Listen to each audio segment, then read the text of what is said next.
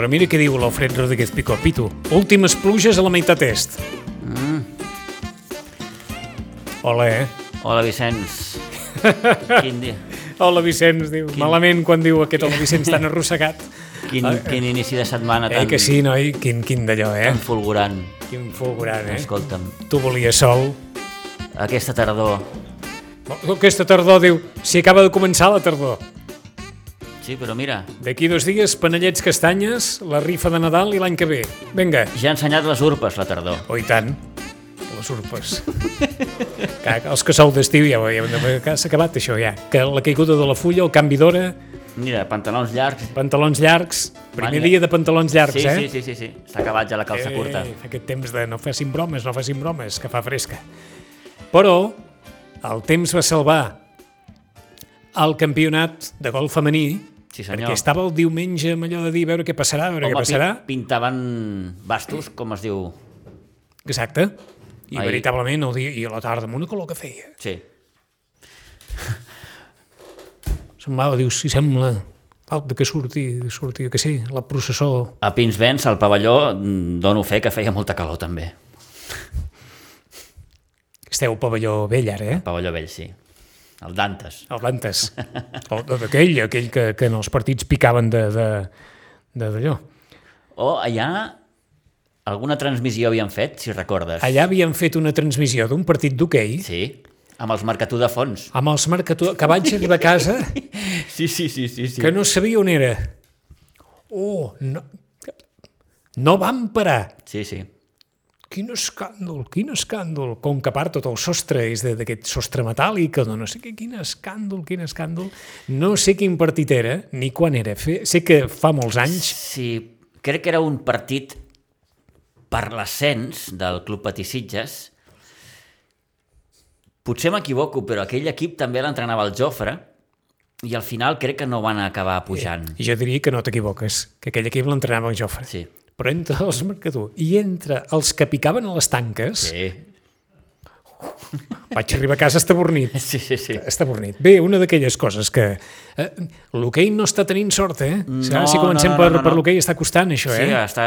Bé, de fet, ja, ja, ho, ja ho comentava el Jofre fa un parell de setmanes quan vam poder parlar amb ell i ja ens deia, eh, s'ha de treballar molt, s'ha de picar molta pedra, al club li falta allò, aquella embranzida per, per, per acabar de, de, de caminar el més en recte possible i bé, no va començar bé perdent aquí a casa amb el Cornellà i dissabte a la Seu d'Urgell, tot i que l'equip no va fer un mal partit eh, a la pista del Cadí, eh, va poder marxar al descans amb un empat a dos, eh, cosa que deixava la porta totalment oberta de poder rascar alguna coseta, però al final aquest 7 a 3 inapel·lable del conjunt del Cadí va, va fer que l'equip tornés de, de, de 8 cap a Sitges. Per tant, són dues derrotes, inici complicat.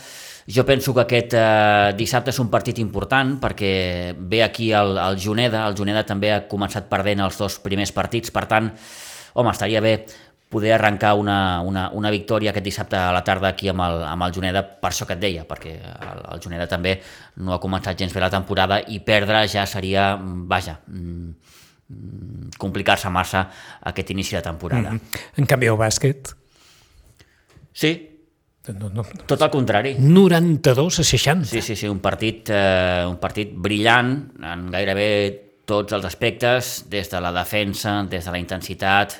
Vaig veure un bàsquet Sitges molt, molt enèrgic, un bàsquet Sitges que d'ahir tenia dues baixes crec que importants, significatives, com les del eh, Omar i, i l'Adrià, però que els dos primers quarts ja havia estat capaç de notar 54 punts. al descans 54-28 favorable al, al Sitges. Una vegada més destacar el paper dels, dels, dels joves i una vegada més també destacar des del punt de vista notador eh, la, vaja, el, el partidàs que va fer l'Oriol Camproví, que va ser autor de 24 punts. Sí que és cert que al tercer i al quart període l'equip no diré que va afluixar, però mm, el, el Reus Ploms doncs, va igualar més les, les, les forces i al final aquest 92 a 60 que, eh, bé, suposa ja la segona victòria de l'equip després d'aquella aconseguida amb la Vilafranca eh, sobre la Botzina i bé, mm, si et sembla, escoltem amb Balta Molina, eh, que ens feia la següent valoració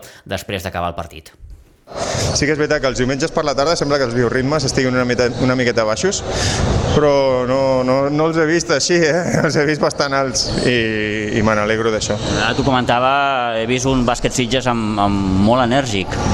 Sí, sí, sí, clar, la dinàmica que volíem aconseguir és aquesta, de rapidesa a l'atac, fluidesa, mm, intensitat en defensa, control del rebot, en fi, clar, el que és un jugar bé, no? jugar bé. Uh, I aquest equip ho té, clar, ja hem, fet, hem intentat treballar des d'allà fa dos anys que, que estic amb el sènior, amb el senyor B també abans, doncs eh, intentar treballar la intensitat i la rapidesa i això doncs, passa el temps, passen els mesos i es nota. Una victòria molt contundent, 92-60, basada, com dèiem, en aquesta energia i amb una gran defensa, també t'ho s'ha de dir. Sí, clar, i pensa que a 92-60, eh, guanyant gairebé de 30 eh, en mitja part, si no de més, no me'n recordo bé, i la intensitat s'ha mantingut, el tercer i l'últim quart, tot i que hem baixat una miqueta, una miqueta la pistonada, clar, el segon ha, ha estat molt bo, però eh, tot i així els hem guanyat. És a dir, la intensitat es manté malgrat el resultat, perquè tothom vol jugar. Després, l'aportació dels jugadors és excepcional, perquè dels, de tots els que han jugat, dels 10 jugadors que han jugat, tothom ha notat i qui menys ha notat són 4 punts, que, que és el Jan Davis, i que ens ha ajudat, que ha vingut del bé perquè ens faltava l'Omar i ens faltava l'Adrià. Doncs ho ha fet molt bé, ha notat, ha agafat rebots, tothom participa i això és molt maco de veure. Estem veient un, un equip on la joventut predomina. Sí, tot i que està força igualat, perquè teni, també tenim jugadors amb experiència i jugadors veterans. L'Adrià té 34, si no recordo malament, el Noel també, ja són veteranillos, eh? ja dinosaurios. Però sí que és veritat que integrem joventut, ja el Jean Carrion que ha arribat té 19 eh, i la major part dels jugadors tenen 20 i poc, 20 i poc. Eh, el, el mateix Àngel, no? també, Jan que arriba. Són sèniors de primer any pràcticament. Sí. I no és per dir-ho, però sinó que aquesta joventut que es va incorporant aporta. Sí, sí. Mira el Pau... I no és fàcil per ells. Clar, clar, mira el Pau, mira el Nil. Eh, la, la clau de tot això jo penso que és la integració a nivell de grup. No? Mm tothom sap què pot fer l'altre i ho valora, que això és molt important també, perquè tothom valora l'aportació del Nil, a la intensitat, els rebots, el joc de sota cistella.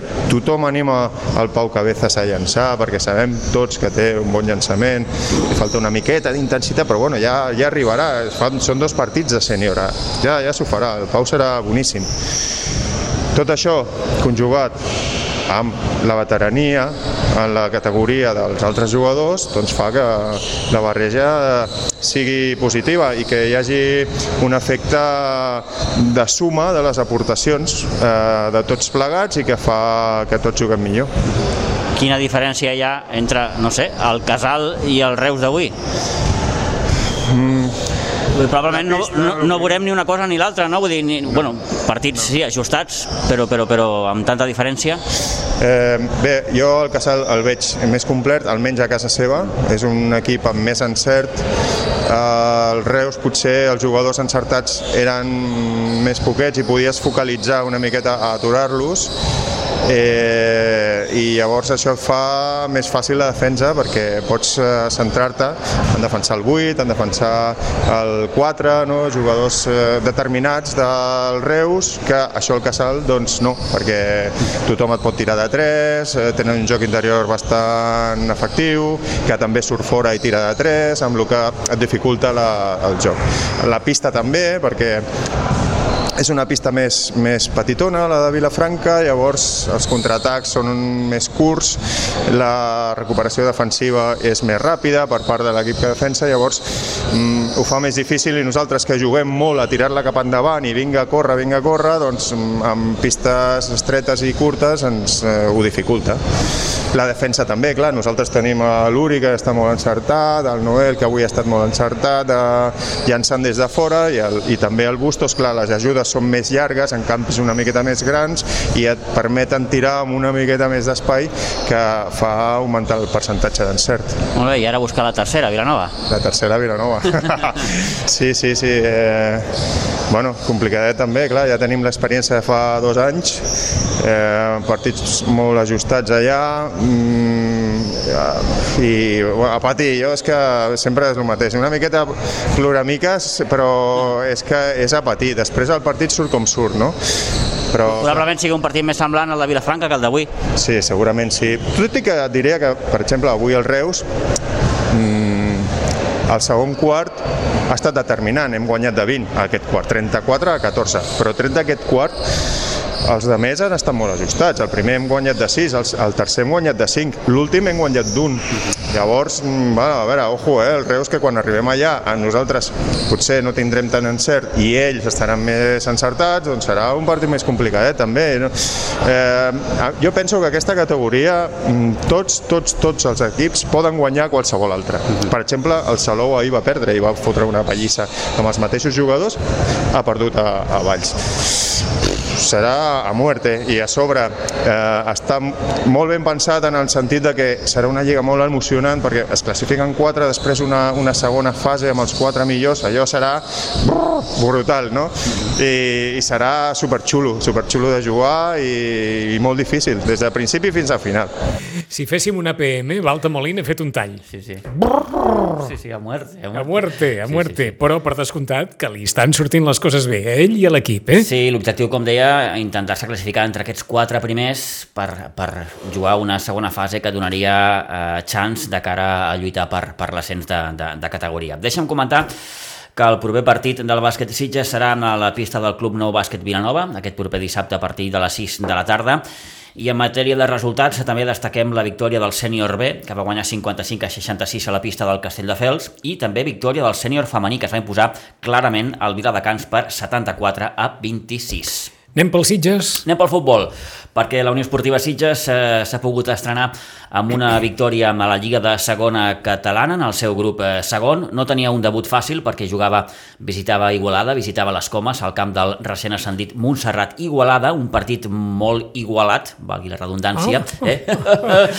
sí, sí. Ai, carai. Sí, sí. Uh, pels que no hi estiguin avisats, recordin, mm. recordin que la Unió Esportiva Sitges té entrenadora. Sí Luri Sorroche. Luri Sorroche, aquí escoltarem d'aquí uns moments valorant el partit eh, d'ahir. Doncs oh. victòria 0 a 1 eh, contra el recent ascendit Montserrat Igualada, un partit, eh, doncs, com dèiem, força igualat, que es va poder desfer a la segona part gràcies a un gol d'Àlex Frutós gairebé a les acaballes, al minut 88. Eh, per tant, han començat molt bé les coses per aquest nou Sitges de l'Uri Sorroche, que ens valorava d'aquesta manera aquesta victòria. I va ser un, un partit on la primera part doncs, eh, dominàvem el joc eh, ofensivament. Eh, sí que és cert que a la pèrdua eh, ells intentaven fer-nos mal amb pilotes a l'esquena, eh, però que no van ser fructíferes. Eh, van haver dues accions del nostre porter, del Lucas, que, que van ser molt contundents eh, i nosaltres també en van tenir diverses ocasions. Eh, primera part podríem, podríem haver acabat eh, per davant.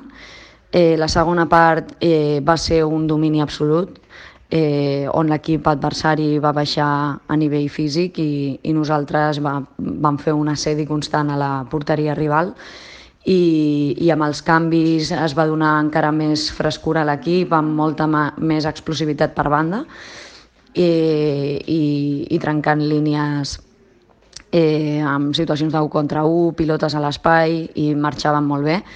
I vam tenir moltíssimes ocasions, ens van anul·lar un gol també, i, en, i dos gols ens van anul·lar, un eh, eren fora de joc, l'altre una miqueta més dubtós, i, i finalment vam aconseguir eh, el gol de, de la victòria. Eh, considero que merescudíssim després de, de no haver baixat els braços en, en cap moment durant el partit intentant eh, guanyar com, com, com podíem eh, en, sense, bueno, sense marmar-nos mentalment per la frustració que, que això provoca. No? I, I la veritat que bueno, molt contents, un, un primer partit de Lliga en victòria fora de casa, al camp de l'Igualada, que no és un camp gens fàcil. Eh, ja et dic que el Montserrat Igualada és un equip molt, molt rocós, defensivament molt ben estructurat i, i que treballa, treballa molt ben ordenat.